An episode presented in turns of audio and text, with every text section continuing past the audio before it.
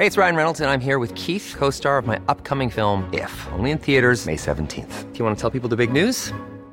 All right, I'll do. Sign up now and you'll get unlimited for $15 a month in six months of Paramount Plus Essential Plan on us. Mintmobile.com slash switch. Upfront payment of $45 equivalent to $15 per month. Unlimited over 40 gigabytes per month. Face lower speeds. Videos at 480p. Active Mint customers by 531.24 get six months of Paramount Plus Essential Plan. Auto renews after six months. Offer ends May 31st, 2024. Separate Paramount Plus registration required. Terms and conditions apply if rated PG. One size fits all seems like a good idea for clothes until you try them on. Same goes for healthcare. That's why United Healthcare offers flexible, budget friendly coverage for medical, vision, dental, and more. Learn more at uh1.com. Millions of people have lost weight with personalized plans from Noom, like Evan, who can't stand salads and still lost 50 pounds. Salads, generally, for most people, are the easy button, right? For me, that wasn't an option. I never really was a salad guy. That's just not who I am. But Noom worked for me. Get your personalized plan today at Noom.com. Real Noom user compensated to provide their story. In four weeks, the typical Noom user can expect to lose one to two pounds per week. Individual results may vary. Generaler, admiraler, medlemmer, gjester, venner.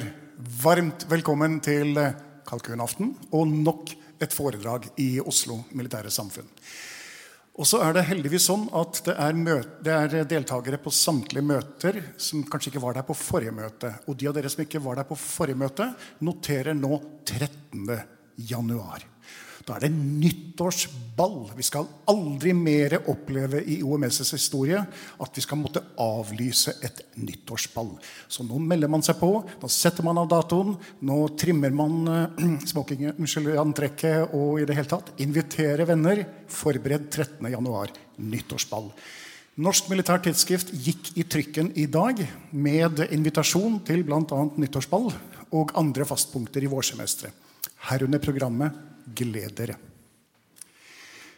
Jeg tok en uh, kjapp uh, titt på de største nettavisene de 10-12 største nettavisene i dag, for å se om jeg fant en nettavis som ikke hadde AI eller KI, kunstig intelligens, høyt på agendaen. Det fant jeg ikke. Det er på alles lepper, og det er noe av det store i dag. Hva er kunstig intelligens? Noen som ville ha påtatt seg og holdt et ti minutters innføringsforedrag i hva dette er, slik at vi vanlige lekfolk forstår det? Ikke det, nei. Fint. Jeg har snakket og møtt en par virkelige, virkelige inside-eksperter på dette, med colabåndbriller og det hele. Det er jo bare meg, da, men sikkert, men jeg skjønte ikke filla. Men det finnes enkelte mennesker som, selv om ikke de har dette som hovedoppgave til daglig, har fulgt dette feltet gjennom et, en lang karriere. Og aftenens foredragsholder, krigsskoleutdannet, tidligere yrkesoffiser, han er en av de ytterst få jeg har møtt som kan forklare oss hva kunstig intelligens er. Er det vår tids atombombe? Eller hva er det egentlig? Morten, du kan introdusere deg selv. Eh, Morten Slundgaard eh, har fått en 45-50 minutter på å opplyse oss om hva dette egentlig er. Varmt velkommen, Morten. Talerstolen og salen er din. Formann, generaler, admiraler, kjære alle sammen. Takk for muligheten til å få dele noen tanker med dere rundt et tema som er høyaktuelt, som er spennende, som eh, har gitt oss masse gode løsninger, og som kommer til å hjelpe oss med å løse mange spennende utfordringer. Men som også naturligvis også har en slagside som vi også bør tenke litt over når vi kanskje er ferdig om en 15 minutters tid. Eh, det var en litt sånn eh, catchy tittel vi prøvde å sette sammen, Bjørn og jeg, for noen måneder siden. Men det jeg skal forsøke å beskrive, da er det nå en ny revolusjon vi ser på teknologi innenfor, innenfor uh, dette eh, feltet på militærteknologi. Og det er sikkert mange flere faser enn det jeg viser her, men en av de store oppfinnelsene var jo kruttet når det kom, med kuler og krutt og det som var den gangen. Og så hadde vi da disse to uh, tragiske hendelsene på slutten av annen verdenskrig med atombomben, som også revolusjonerte krigføringen. Eh, og så er vi altså i dag stiller spørsmålet er det da kunstig intelligens som er det neste vi nå må være på vakt mot. Så min lille ambisjon i kveld er å gi dere noen innspill til ettertanke og refleksjon. Og kanskje skape litt nysgjerrighet for å lese litt videre og studere litt videre. Og som Bjørn sa, dette finnes jo nå overalt, og det skjer ekstremt fort. Så for å slå an tonen så eh, startet jeg da med tittelen som vi hadde på norsk. Og så for å gjøre det helt digitalt så tok jeg, kjørte jeg den gjennom Google Translate. Og så kjørte jeg den gjennom et, uh, en software som heter Midjourney, som da er et uh, bildeprogram. Og da kom altså dette bildet opp.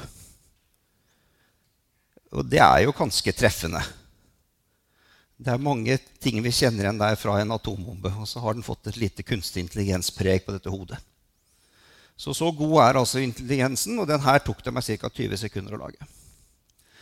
Så kveldens agenda som vi tenkte å ta som en liten reise, det er at vi starter å si litt om hvor startet dette med kunstig intelligens? Hvem var det som begynte å tenke de tankene at maskiner eh, altså kunne være like smarte som oss mennesker?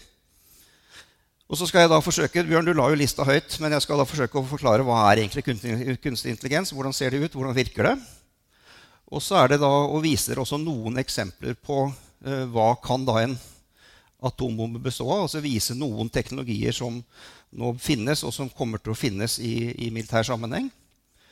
Og så er det et såpass viktig tema, så jeg velger å bredde det litt også. Si litt om hvordan skal vi nå kontrollere den teknologien. Og så skal jeg avslutte med å si litt om hva kommer i morgen, og viser også noen eksempler på, på steder der vi allerede har mye kunstig intelligens, men det kommer til å komme mer. Du var innom, Bjørn. Det var mange år siden. Det var på Linderud. Det var også en spennende periode. Så jeg var eh, ferdig med plikttjenesten, så har jeg gjort andre ting. Så vi skal ta bare det som har vært mest relevant for det jeg har fulgt med på på teknologi. Så jeg var en periode i konsulentselskapet Accenture. Og de jobber jo som kjent mye med teknologi. Jeg jobbet ikke med teknologi, men jeg jobbet mye med å innføre teknologi. Jobbet mye med Telekom. Det kalte vi den gangen. Det var Telenor mye innenfor finans, jobbet med teknologi for avisbudene i Aftenposten for å optimalisere det. Eh, så var jeg en periode i Posten i fem år. Eh, der var jeg organisasjonsdirektør og jobbet da med stor omstilling. Og det var da brevvolumet falt og e-posten kom. Og vi oppfant den gangen det som i dag heter Digipost, som jo da er en fin teknologi, som jo da mange av offentlige også bruker i dag for å sende sikker post. Som altså jo da manuelt tidligere den perioden jeg har jobbet mest med eh, ikke bare kunstig intelligens, det kom på slutten, men med digitalisering, egentlig, det var en periode i, først i Norge. Da jobbet jeg i Redd Barna, men etter hvert så uh, jobbet vi ut fra London. Uh, Redd Barna-systemet fusjonerte i 2012 14 eh, av sine landekontorer og samlet dette i London med en ledelse på en ledergruppe. Og så var det både finans og HR, men også IT. Så jeg kom til London og var da eh, den andre ansatte i den IT-elitegruppa internasjonalt. I 2016 så sluttet han som var eh, IT-direktør i London. og Da hadde vi jobbet et godt stykke med å sette opp en teknologihub i Nairobi. Det var det ikke så mange som trodde vi skulle klare. Så jeg tok den stafettpinnen i 2016. Og da jeg var i Nairobi siste gang i mars i 2019, så hadde vi da klart å etablere en teknologihub med 48 ansatte lokalt i Nairobi flinkeste folka fra de beste universitetene. Og da driftet vi den eh, internasjonale delen av Redd Barna-systemet. Og disse tallene under det betyr 365 dager. Det er 24 timer i døgnet, syv dager i uka. For 17 000 ansatte i 60 land, og det var første, andre og tredje linje. Det var en ganske god operasjon, og den gikk med sola. Den startet i Manila og gikk til Amman. Og så hadde vi kontor i Nairobi, og så hadde vi noen få i London, ingen i New York, og så hadde vi noen få i Australia. Så det var akkurat da begynte kunstig intelligens å komme på 2019. Så vi begynte jo å bruke noe av det i rapporteringen vi gjorde til, til hovedkontoret i London. Så hva er min rolle oppi dette? Hvor er jeg i terrenget? Jeg er altså ikke IT-spesialist. Jeg kan ikke programmere. Jeg vet hvordan man gjør det, men jeg er ikke noe god på det. Og jeg har heller ikke forsket på dette, så jeg studerer ikke det dypt. Men jeg vil si at jeg er liksom praktikeren. Så jeg har levd med dette i digitale verden ganske mange år og har forsøkt å ta dem fra et strategisk ståsted og få se hva kan teknologi brukes til for å hjelpe til med andre funksjoner. Så alltid mennesket først, og businessen først, forretningen først, også teknologi. Da starter vi med historien. Det dere ser bilde av der, det er et dokument som ble lagd eh, for ganske mange år siden. Det var altså rett og slett en invitasjon til godt gammeldags gruppearbeid på, en, eh, på et universitet eh, i, litt nord for New York og i New Hampshire. Og dere ser datoen der altså i august i 1955. Det er snart 70 år siden. Veldig mange tror at kunstig intelligens kom til verden i november i fjor med ChatGPT, for det var da de fleste av oss begynte å skjønne hva dette var for noe. Dette har man holdt på i mange, mange år. Og dette er da noen av de gutta, for det var bare gutter den gangen.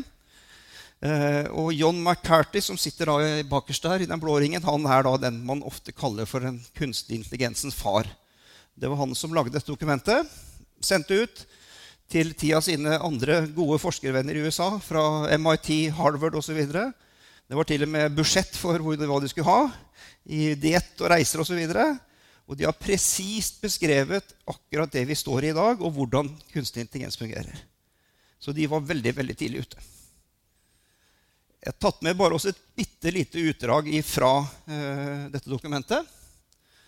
Uh, det er kanskje ikke å lese alt, men dette var altså et prosjekt to måneder.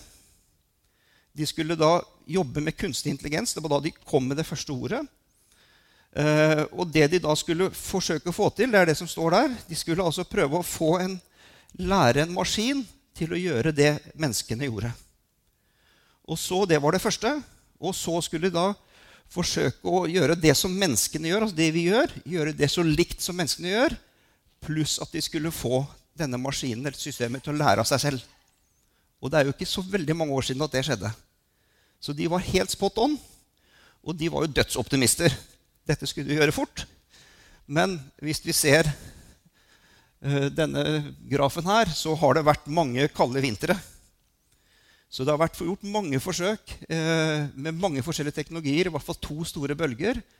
Og så er det først nå da vi passerer sånn ca. 2005, 06, 2010, 12, 16 osv., da begynner ting å skje. Så jeg skal ta med dere på noe av det som er helt til høyre der. Eh, for man ser at AI har vært bra for en del sosiale ting for samfunnet. Vi skal vise noen eh, autonome våpen etterpå. Eh, selvkjørende biler det har vi sett en del av. Og så er det da deep learning, som er det som er den lærende kunstig intelligensen. Den som lærer av seg selv. Og så skal vi snakke om AlphaGo, som er et veldig spennende software. Og så skal vi også se litt på den begeistringen vi ser nå men også litt av bekymringene. Så det blir nesten den reisen der. Den boka her eh, er en utrolig spennende bok som ikke kom for altfor lenge siden. Den er skrevet av han Mustafa Soleman. Han er den som er den nye oppfinneren. I 2016 var det han som klarte å se og programmere den intelligensen som klarte å lære av seg selv. Og Jeg tenkte å ta definisjonene først, slik at vi vet litt hva vi snakker om.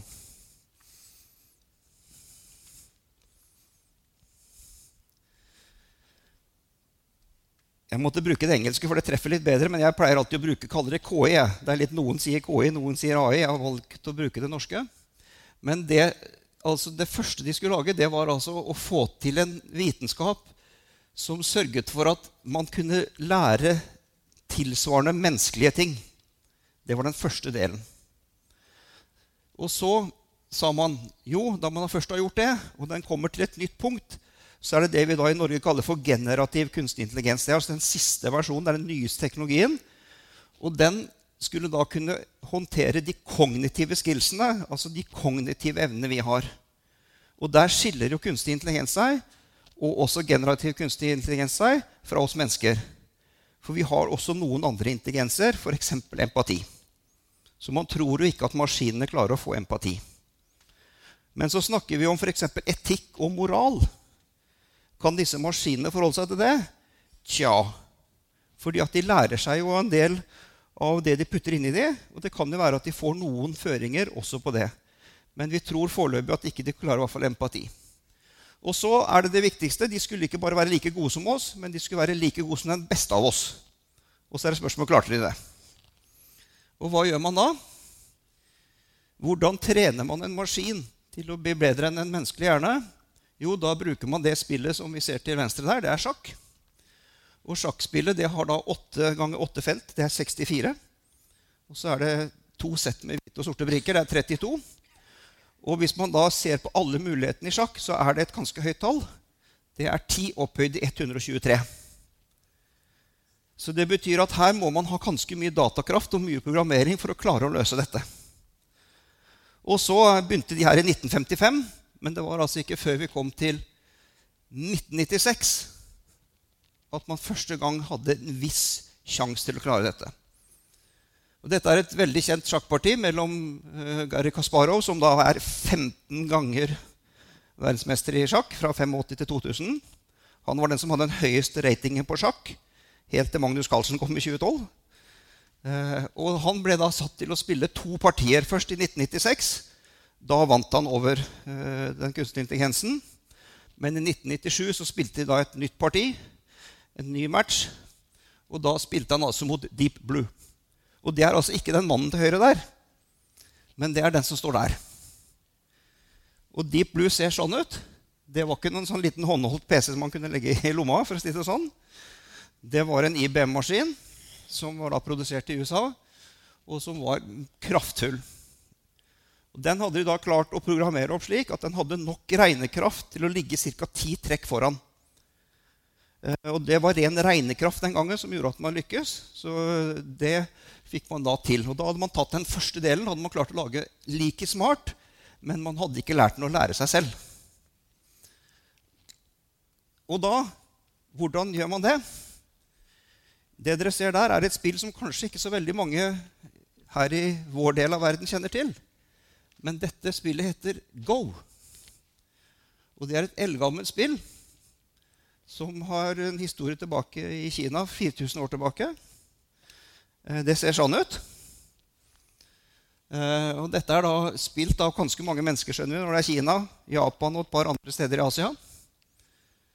Og dette spillet har da 19 ganger 19 krysningspunkter, altså 361. Og så spilles den med henholdsvis hvite og sorte sånne brikker, sånne steiner. Og så eh, er dette et strategispill, så dette er et godt forsvarsspill også.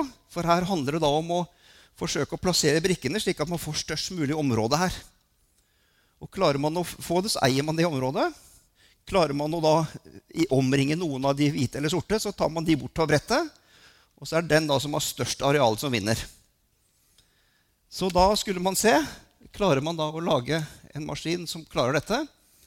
Det var litt krevende, fordi at uh, her er det altså 10 opphøyd i 174. Og hvis dere da husker tallet fra sjakken, så står det her nede. Det er et betydelig større antall, så her er det ikke nok med regnekraft for å trenge gjennom og kunne ta og slå en spiller. Nå skal dere se et stort tall. Det heter Gogol. Og ifølge Wikipedia så tar du da og skriver 10, og så føyer du på 100 nuller bak. Så forskjellen mellom en tradisjonelt sjakkspill og spillet Go det er så mye. Og så er det spørsmålet klarer man da å lage en maskin som da på samme måte som man klarte å slå Kasparov en gang i tiden, klarer man å finne en sånn løsning. Og det gjør man. Og det er da han til høyre der, Lisyd Sudol. Han er da 18 ganger verdensmester i Go. Det finnes ingen bedre enn han. Og Da kommer vi til en teknologi som heter AlphaGo der oppe. og Den er også lagd med Google DeepMind. Og Det er altså fortsatt to store aktører i denne bransjen nå. Det er altså Google på den ene siden med sine historiske gode søkemotorer osv. Og, og så er det Microsoft sammen med OpenAI. Og Dette var da en match i 2016. og Den ser du at den gikk over noen dager. Eh, og da eh, har vi da teknologien til venstre og han kameraten til høyre. Og så sier han følgende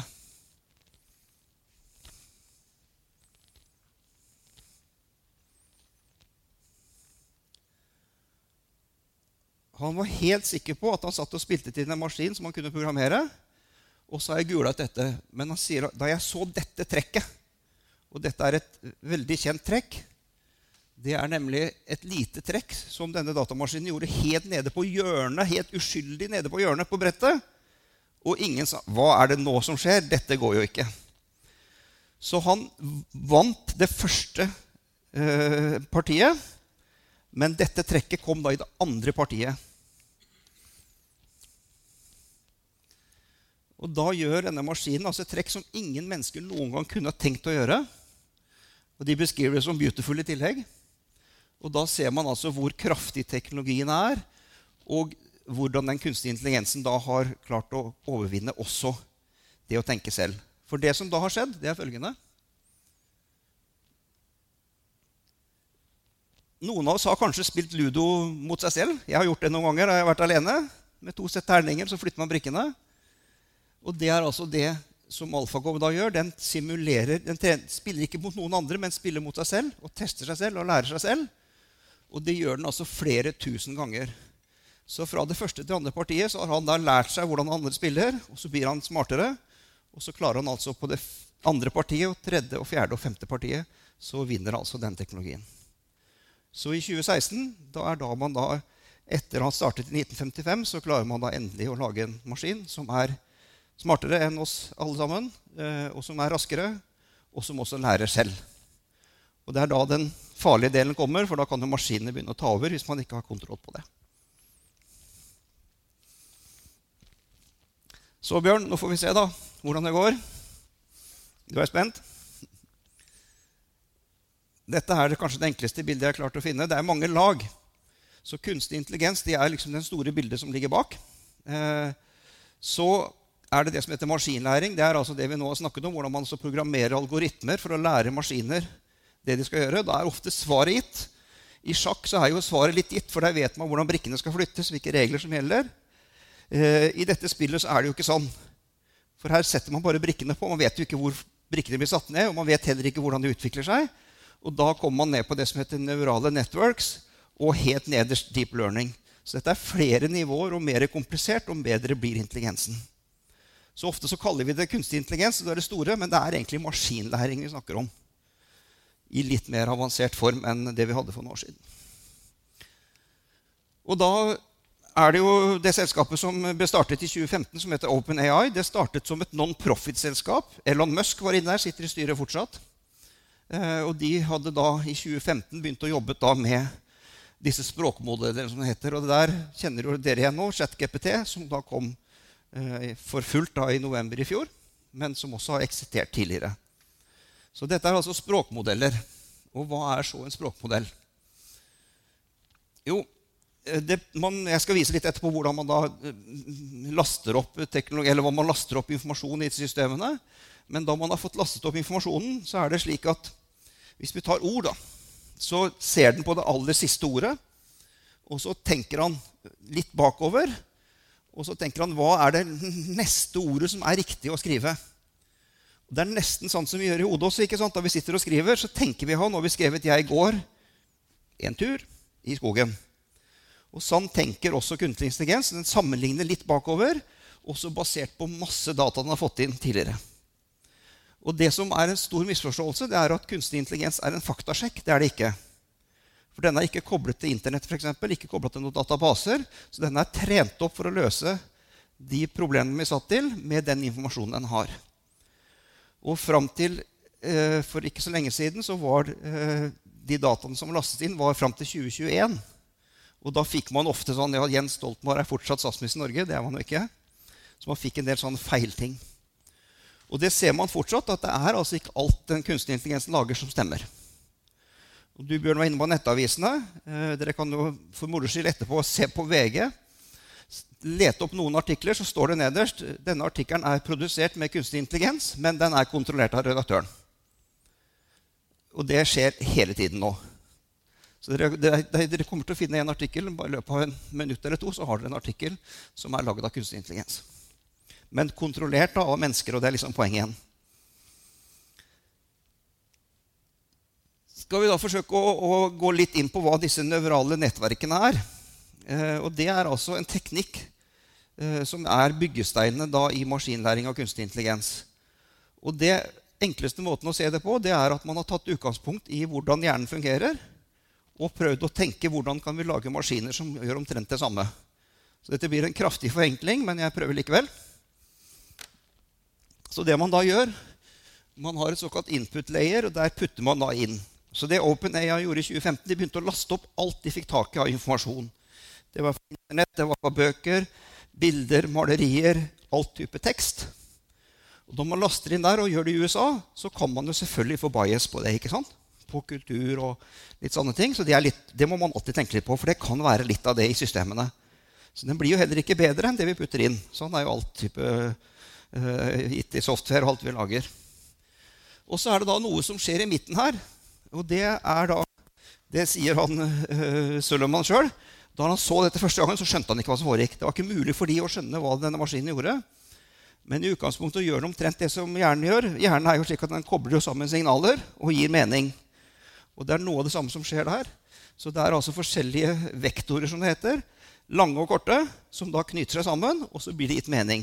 Og så kommer man da ut på andre siden med outputen.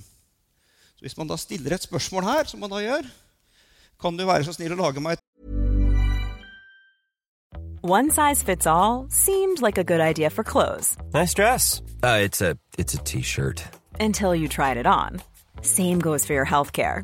That's why United Healthcare offers a variety of flexible, budget friendly coverage for medical, vision, dental, and more. So, whether you're between jobs, coming off a parent's plan, or even missed open enrollment, you can find the plan that fits you best. Find out more about United Healthcare coverage at uh1.com. That's uh1.com.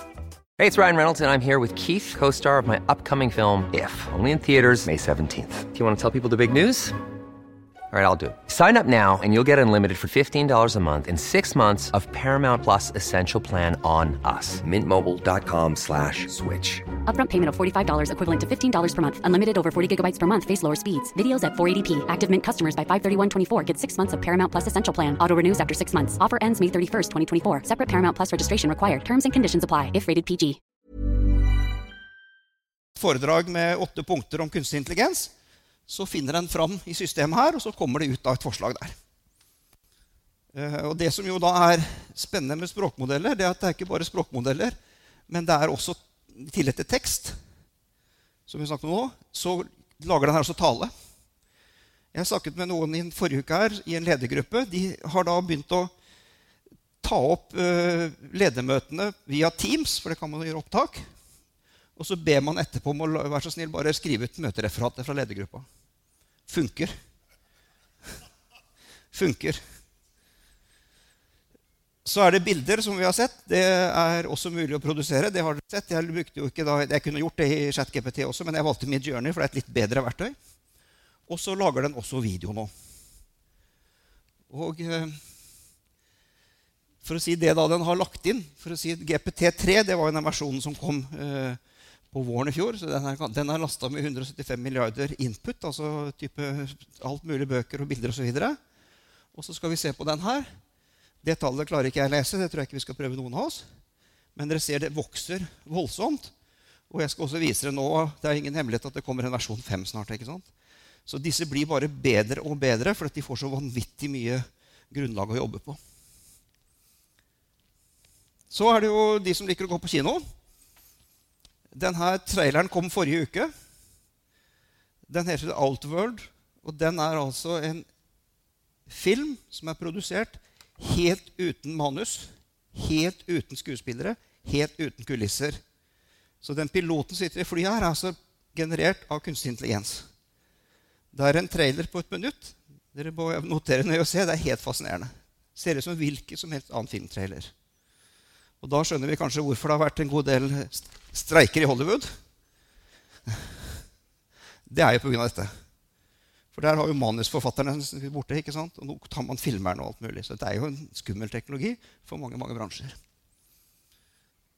Hvis dere trodde at eh, det bare var chat-GPT, så er det jo ikke sånn. Så det finnes jo nå utvikla utrolig mye software som er bygd på kunstig intelligens. Og hvis vi da begynner video, det er jo ett område marketing, altså hvordan vi selger og produserer og, og viser fram varene våre. Chatbot det er altså språk. Eh, så har vi da nede design. Det er jo alltid fra malerier til design av hus, arkitekter osv. Gjøres jo på få minutter. Og så har vi da skriving, som er selvfølgelig alt det vi snakket om med presse, media, alt det som kommer der. Og så er det jo da produktivitet, som handler om å være mer effektiv, sammenstille store datamengder, Excel-ark osv., lage gode rapporter osv. Så, videre. så dette er jo en vanvittig industri. Og det sitter ca. to millioner eh, programmerere i Silicon Valley holder bare på med dette hver dag. Så her kommer det jo hver time helt nye produkter.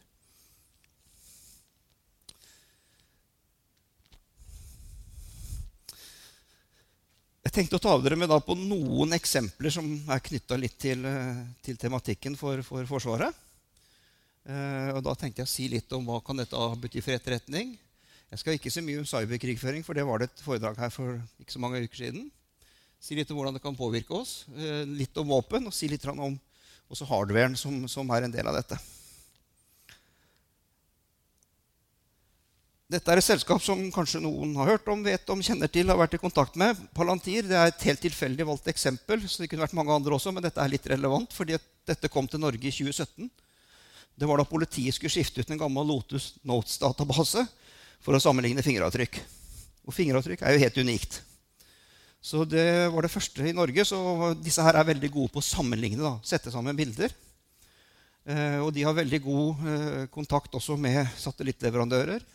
Og de kjøper også da helt ferske og nye bilder av det de måtte ha av hele jordkloden. Og sammenstiller dette. Det er ingen hemmelighet at Pentagon er en kunde av disse her. Og de jobber jo både som det står nede her, både med skal vi si, war zones, men de jobber også på factory floors.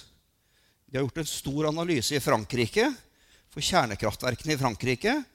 Og sett på de kjølebassengene som finnes rundt uh, disse kraftverkene. Og sett de opp imot værdata og gjort risikosimuleringer til når kommer vannet for lavt, og når blir det for lite kjøling i kraftverkene. Så de har en masse spennende teknologi. Dette er da også USAs største privateide eh, teknologiselskap. Og hvis vi ser her, så er det jo til etterretning så har de jo selvfølgelig droner. Det, å ta bilder det fikser de veldig fint. Det til høyre er en sånn liten feltkit. Eh, der er det et helikopter oppi, sånn lite minihelikopter. Jeg er ikke sikker på om det er flyr, men det kan godt være at det er det. Eh, så her kan man altså i felten bare løfte helikopteret opp, få gode bilder raskt. Og så kan man da prosessere det sammen også med satellittbilder. Og det som skjer da med etterretning, den blir selvfølgelig mer nøyaktig. For du får den jo helt eh, dagsfersk med hurtighet. Og du tar det også risiko. Fordi at du får risiko med at de slipper å være ute i felten. Og du får også mer eh, treffsikkerhet med, med det du skal angripe. At du klarer å rydde og ta det rette. Så dette er jo en teknologi som er i full drift. Og det er jo synd å si det, men altså, Ukraina er jo nå kanskje det største laboratoriet for nettopp denne type teknologi. Her prøves det ut og testes hele tiden. Cyberkrigføring skal jeg som sagt bare hoppe fort over, men bare nevne en annen teknologi som jeg skal ta igjen mot slutten, og det heter quantum computing. Det er altså en neste generasjon eh, maskiner som har en hastighet som er helt ubegripelig. Eh, og de klarte altså første gang i sommer å kjøre gjennom en, en prosess med denne maskinen. Og hvis vi i dag forutsetter at vi ikke gjør noen ting med det vi har av sikkerhet, type brannmurer, krypteringsnøkler, bank-ID-er osv., så, videre, så kommer denne teknologien til å rase over det i løpet av foff. Så så kraftig er denne maskinen. Og Det er jo det som er problemet i dag, at man klarer ikke å ha nok prosessorkraft til å kjøre gjennom de mest krevende passordene. Men denne gjør det. Men det kommer jo ikke til å skje. fordi at parallelt med utvikling av denne teknologien så kommer også utvikling av sikkerhet og teknologi også. Så vi må jo håpe at det kommer til å bli parallelt løp. Men det blir det også. Men dette er ganske kraftig og har stor innvirkning på sauekrigføring. selvfølgelig. Så er det trollfabrikker og deepfake. Jeg tok med den. Det var en gammel krigsflyblad. Da slapp man den ned fra, fra fly. Nå er det jo nesten trist å si. Det er jo faktisk det som foregår i Gaza også. Så det er jo ikke helt borte. Eh, men det er jo mye mer avansert teknologi andre steder. Og dette er i St. Petersburg. Den er en av de kjente til Putin. Og dette holdt de på med før kunstig intelligens kom. Dette har vært påvirkning av valg, sosiale medier, alt det vi kjenner til. Men det er klart at denne teknologien gjør dette her mer avansert. Og jeg har lagt merke til én ting som jeg ikke har sjekket, men jeg merker jo at det er jo nesten ingen eh, TV, radiointerporter eller noen som nå sier garantert at denne videoen er herfra, eller den er tatt derfra på det tidspunktet. For det lages så mye fake, så det er helt umulig å skille fra rett og galt. Så Det er jo også et problem nå, da, som vi også ser i Gaza. Blant annet. Man er jo ikke sikker på hvor det kommer fra. Så er det en test. Hvilke av disse tre bildene er fake?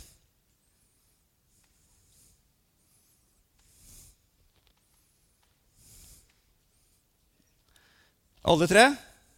Én og to? Tre? Nei, alle tre er fake. Og det som er forskjellen nå, som gjør at det er vanskelig å se forskjell For Tidligere så tok man jo en boblejakke og så klippa man ut bildet og så satte man oppå hverandre. Og da så man det da man analyserte. Det gjør man ikke lenger. For disse bildene produserer fra bånn av alle pikslene. Så det ser ut som et nytt bilde hver gang. Det er det som gjør det krevende å vite hva som er rett og galt. Og det til høyre der, det er tatt uh, i sommer av uh, fem sommerbilder. Og så kjørte jeg det gjennom Remini, som er en liten app. Og så ville jeg ha litt Frognerparken i bakgrunnen. Da ble det sånn. Så man kan egentlig ikke vite hva som er rett og galt lenger. Så kommer vi til autonome våpen, som jo er da et stort tema. Så jeg har bare tatt med et par av de. Eh, og det er altså et våpensystem satt på en uh, beltemaskin uh, med alt av sensorer. Så er det droner. Og så er det nederst er det fly. De som ser godt, så er det ikke cockpit på de flyene. Fordi at det trenger man ikke lenger.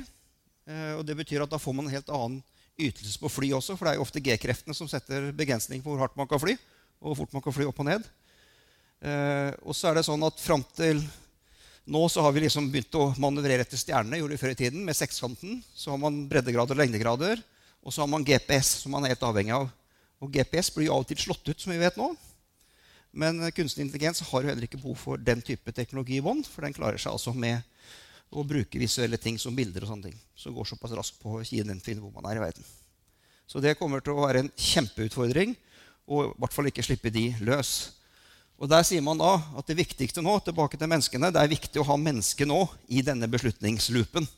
Slik at ikke dette løper løpsk og kan ta hva som helst og helt ukontrollert. Basert kanskje på data som ser greit ut for kunstig intelligens. Kanskje man begynte å tenke at Putins idé ikke er så gærent likevel. Og så begynner man å tenke at kanskje det var lurt. Og så begynner man å utvikle våpen og teknologi i feil retning. Så var det noen som sa til meg Morten, du bør kanskje presisere en gang til at det bør kanskje være den rette mannen i loopen. Eh, slik at vi får de med, med, mest vett og forstand, og som har i stand til å skille rett og galt og godt og ondt. Litt uh, hardware til slutt. Nvidia, et veldig spennende selskap som produserer mye på Taiwan. Uh, men Taiwan er litt utsatt, så de bygger store fabrikker i USA nå, for de må prøve å ta produksjon tilbake for å få kontroll på sikkerheten rundt det. Dette startet som et selskap som var veldig flinke på grafikk. Eh, som lagde Xbox på Microsoft for eksempel, med bilbaner og kjøring og våpen og wargames osv. De har vært tunge inne på bitcoin, bitcoin mining, altså kryptering. Å få tak i bitcoin det krever vanvittig datakraft og hurtighet. Er det mange som kjører Tesla her? Ja, det var ikke mange. I så fall har dere det en sånn fordi at Nvidia er da en av teknologier som ligger i Tesla, og som også da bidrar til at Tesla er stort sett selvkjørende. hvis man ønsker det. Uh, dette er den enkeltaksjen som det norske oljefondet har størst investeringer i. Og Nicolai Tangen er som sikkert uh, mange vet, veldig framme på kunstig intelligens. Bruker jo mye av det i daglig virke i oljefondet. Så er det da spørsmålet hvordan kan vi da kontrollere det, og hva er det som er viktig å tenke på? Eh, jo, det som har skjedd med den teknologien, det er at det har gått veldig raskt ifra forskning og til man får påvirkning på samfunnet. Så det betyr at vanligvis så har man jo tid til å forske, tenke litt, prøve ut litt, teste, feile og justere. Det har det nesten ikke vært tid til nå. Så dette er en av de sånn, røde flaggene. Og det er fordi at uh, Den teknikken så man da først i 2016 og begynte å få operasjonalisert den i 2017. Og så har man brukt noen språkmodeller en tre-fire år. Og så kommer da november i 2022. Og på noen få dager, fem dager, så er det altså én million brukere av denne ChatGPT4. En av den millionen står her. Jeg var inne på dag fire. Og det som skjer nå I forgårs så stoppet de tegning av nye abonnementer på den siste versjonen, for de har ikke nok datakraft til å dra det rundt. Så nå er interessen så stor at de har satt midlertidig stopp på å nye. Så dette er en eksplosjon i, i teknologi. Og hva er det da som gjør dette krevende for oss uh, vanlige dødelige som ikke er maskiner? Vi har hele tiden vært vant med å tenke linært. Vi bygger stein på stein på stein, og så blir det litt bedre, litt nyere. Men vi klarer liksom å svelge det unna og forstå det og skjønne det og kontrollere det. Men det som skjer nå, det er jo dette. Så når den utviklingen passerer det krysningspunktet, da begynner vi å få litt problemer med å forstå hva som foregår. Og Det er da vi må begynne å tenke kontrollmekanismer og hvordan håndterer vi dette. Så Før så var det jo om å gjøre å få mest mulig ut av teknologien. Det vet vi alle sammen. Større PC-er, mer kraft, mindre mobiltelefoner. Sånn har det vært hele veien. Bruke dampmaskinene, få mer ut av de, bedre samlebånd, mer roboter. Mer og mer og mer. og mer. Nå er det motsatt. Nå må vi tenke hvordan kan vi passe på så den teknologien ikke løper av gårde med oss, slik at vi ikke henger med, og at vi kommer galt av gårde. Og da er det ikke kunstig intelligens, men det er en generativ, altså den som lærer av seg selv, som er viktig å tenke på. Så skal jeg ta en veldig morsom historie om disse gutta her. Eh, de eh, traff jeg for noen år siden. Tre-fire år siden. Ja, det er to. to og et halvt. De studerte på entreprenørskap på Kristiania eh, høgskole. Så jeg var mentor for de noen måneder. For de hadde nemlig gjort følgende oppe på det som heter Loftet. Som der satt de og hadde fått lov til skolen å sitte og jobbe. Og de hadde lagd seg denne her. Studybud. Og den lagde de altså i oktober 2021. Det er 13 måneder før vi nå så den andre kom. Og De hadde altså studert kunstig intelligens siden de var 15 år. Jeg traff dem da de var 21. Uh, og de hadde altså lagd en modell. Så jeg, jeg ba om et, uh, et, utskrift på 1000 ord på et tema, og det kom smakk ut med henvisninger. Så disse her ble jo da innkalt på gammeldags måte til rektors kontor. Første forsøk passe gult kort ble nesten kasta ut. To, punkt to ny runde med rektor. Da var kortet veldig gult. Da måtte, de liksom, da måtte de nesten gi seg, for de solgte dette billig. Og jeg skal ikke si hvem av de fire, men Han hadde jo hatt sin aller beste karakter på finans noen gang. Så de, dette brukte de, og elevene syntes det var strålende. Men dette likte jo ikke skolen. Så var det innkalling en gang til. Da var det liksom i ferd med å pakke ned. Men da var det plutselig flere i rommet. Da hadde skolen skjønt Oi, her skjer det noe. For de hadde nemlig sagt at før det går et år, så kommer dette til å rulle over dere. Så dere kan like godt begynne å se på dette med en gang. Så da er det viktigste tenker jeg, for å kontrollere dette, det er kunnskap. Og det er skolen og det er skoleverket som må ta dette på alvor, og også andre steder. Universitetet i Oslo, strålende eksempler. 15.9. lanserte sin egen chat-GPT, pakket innenfor brannmunnen til universitetet. Stor kunnskapsorganisasjon. Viktig å ha kontroll på hva som kommer ut. Veldig bra. Linus det er en ordentlig flott fyr. Nå er han gjesteforeleser, dere. Det ble han da etter noen måneder. Så han reiser nå rundt på skolene og snakker. Og han har et flott foredrag som heter 'Good, the Bad and the Devil'. Og Da snakker han om kunstig intelligens i de termene. Helt fantastisk. Treffer unge studenter og lærer de å tenke kritisk. For alle vi som er her, vi har jo vært i en analog verden, så vi har liksom lært oss litt rett og galt og sort og hvitt. Men tenk alt den deepfaken som ungdom i dag kommer på. Det er ikke så lett å skjønne det da. Så her er det utrolig viktig med skoleverket. Det tenker jeg er kanskje det viktigste. Regulering skal jeg hoppe fort over. Her er vi ganske godt av gårde. EU kommer med gode reguleringer, og Norge er flink til å ta fort etter EU. Og så har vi jo GDPR i bånn, som er viktig, for de har med personopplysninger å gjøre. Så regulering er et punkt å ta med. Og så før jeg skal gå inn for landing Nei, jeg tror ikke at dette er en ny atombombe. Men dere vil jo se at det er mange kjente bestanddeler nå, og det lages mer. Så i den grad vi klarer å kontrollere teknologien, så går det nok bra. Men jeg er jo ikke helt sikker på at det går bra hvis det kommer i feil hender. Eh, og mye av dette her er jo lett tilgjengelig for mange terrororganisasjoner. Som lett nå kan bare kjøpe små raketter som styrer seg selv, slippe de løs. Eh, så det er jo noen sorte sider rundt den teknologien som ikke er lett å kontrollere. Så er det de siste minuttene innenfor landing. Da skal jeg forsøke å se litt bitte grann inn i krystallkula. Den her kommer. Eh, så det her var sist uke. De starter nå å jobbe på neste versjon. Så det som vi da så i, i november i fjor, og som kom en ny versjon i mai, det er snart historie. Og da minner jeg litt om de små kulene der. For de kommer til å mate inn så vanvittig mye mer informasjon. Så de her kommer til å bli bedre og bedre og bedre og kraftigere og kraftigere. Og kraftigere. Og det er slik at De aller fleste bruker ChatGPT som en grunnmur nå, og så bygger de sin egen kunstig intelligens oppå innenfor sin egen brannmur. Og så skal vi bare se han eh, godeste Altmann. Han sier jo han, spurt, han vet ikke helt hva som kommer. Og Vanligvis når vi bestiller en teknologiutvikling, så lager vi en kravspekk, og så vet vi hva vi skal ha. Men nå vet de ikke helt hvor fort det går, og hvor mye det kommer.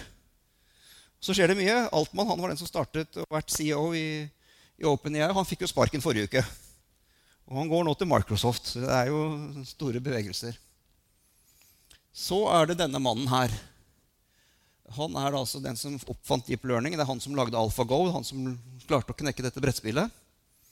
Eh, og nå er jeg litt utenfor den militærdelen, men her er det noe å være oppmerksom på, og det er disse to teknologiene. Nå har vi snakket om kunstig intelligens, men så er det bioteknologi. Og Det er det han beskriver da, i, i, denne boka her, på en aldeles utmerket måte. Tar de historiske lange parallellene, men også ser hva ligger foran oss. Eh, nå har vi snakket om kunstig intelligens, nå har vi prøvd å gjøre litt av det. Og så skal vi prøve å si litt om hva er bioteknologi. Jo, det er jo det å forandre og programmere livet dere. Da begynner det å bli litt mer dystert. Og så skal vi huske på at DNA, som vi har forsket mye på, som vi har mye kontroll på nå, det er jo også tall. Så det betyr at de to til sammen, med den kraften, der kan man gjøre ganske mye som ikke er bra. Men man kan gjøre mye som er bra også. Så det er ikke bare sorte sider. Men vær klar over at det er, eh, det er allerede født to tvillinger i Kina som er programmerte. Så det, det finnes jo eh, styresmakter og andre som klarer å bruke dette ikke på en positiv måte. Så er det jo sånn, som jeg sa, det er mye bra her. Så det jeg skal vise dere nå, har mennesker prøvd å løse i mange mange år, men ikke klart. Og det er proteiner i kroppen. Det er en av våre viktigste bestandsdeler, Og det er noe av det mest kompliserte. altså Hvordan disse proteinene rulles ut i kroppen og blir til Dette kan jeg ingenting om, dere høres bare sånn ut. Men de blir altså til tredimensjonale, sånne fine strenger det er nesten helt umulig å forestille seg hvordan det blir. Dette har man da forsket på i mange år. Og i 1972 så var det en som fikk nobelpris for dette. For å kunne klare å predikere. Så han klarte altså da, eh, og fram til nå, å finne 190 000 proteinstrukturer. Og det begynte man å skjønne hvordan man skulle gjøre i 1972. Så man holdt på da på laboratoriet med litt sånn pipetter og sånn mange steder, og så har man klart å løse 190 000. Så tar man de 190 000 puff, inn i det verktøyet som heter AlphaFold. Og den gjør det på tastetrykk, så er katalogen ferdig. Så den jobben trengs ikke gjøres lenger. Her er hele proteinstrukturen for oss mennesker ferdig. Og det skjer ikke på et minutt, for det skal jo programmeres. Men bare tenk så vanvittig kraft, så fort og så presist. Dette er en maskin som ble ferdig i 2022. Det er altså verdens kraftigste eh, datamaskin. Har en helt vanvittig datakraft. Fikk teste seg på en ekstrem test. Det er jo noen tester de kjører eh, for å sjekke hvor fort dette går. Den klarte det på en to-tre timers tid. Det var liksom helt revolusjon. Og de som kan litt om programmering, de vet at det er null og én. Det heter bites. ikke sant? Det er Programmeringsspråket er det. Du er enten pluss eller minus. Og alt fram til nå er da lagd på 0 og 1, også denne frontier. Og da skal vi snakke om quantum computing. For det heter ikke bites lenger, men heter kubit. Og så kan vi da ta en hjerneøvelse og prøve å forstå kan ting både være 0 og 1 samtidig. Det er en litt krevende mental øvelse, er det ikke det? Men det er det de har klart å få til. slik at Det er ikke bare 0 og 1, men den skifter hele tiden av begge deler. Og Da får du en så vanvittig kraft. Så de klarte å kjøre 53 kubit nå i juni i USA. Og den forrige maskinen brukte to-tre timer på den operasjonen. Den her det på sju sekunder. Sju sekunder. Men ta det med ro. Den her får dere ikke kjøpt i morgen. For det utvikles så vanvittig varme Slik at den her kjøres da i den absolutt kaldeste kjøretanken de kan klare å lage. Og så får de det til å gå. Så om ti år da kommer den. Så den boka vil jeg absolutt anbefale. Mange har kanskje hørt om Inga Strømke og denne boken. Den er fin å lese, for den sier litt mer om teknologien enn jeg har gjort. Litt sånn teknologi der. Hun er en veldig morsom dame. Hun er jo en professor fra NTNU, ung, lovende, og har både den teoretiske og den humoristiske delen med seg. Så klarte jeg å få en selfie med henne også. Jeg var veldig fornøyd der i forrige uke.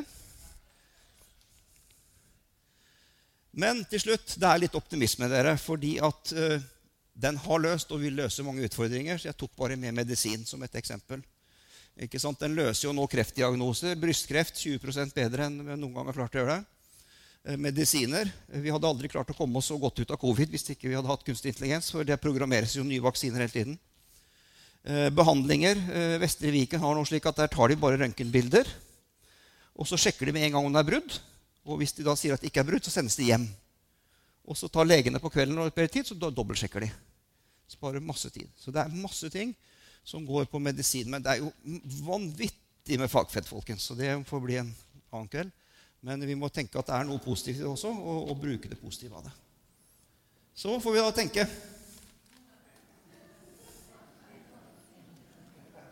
det blir, det blir en spennende kveld, blir ikke det?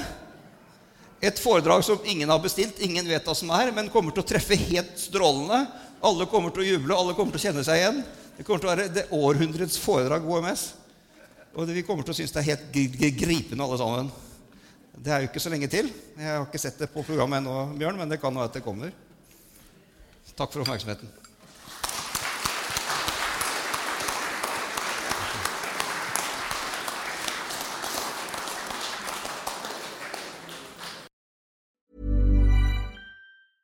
Even when we're on a budget, we still deserve nice things.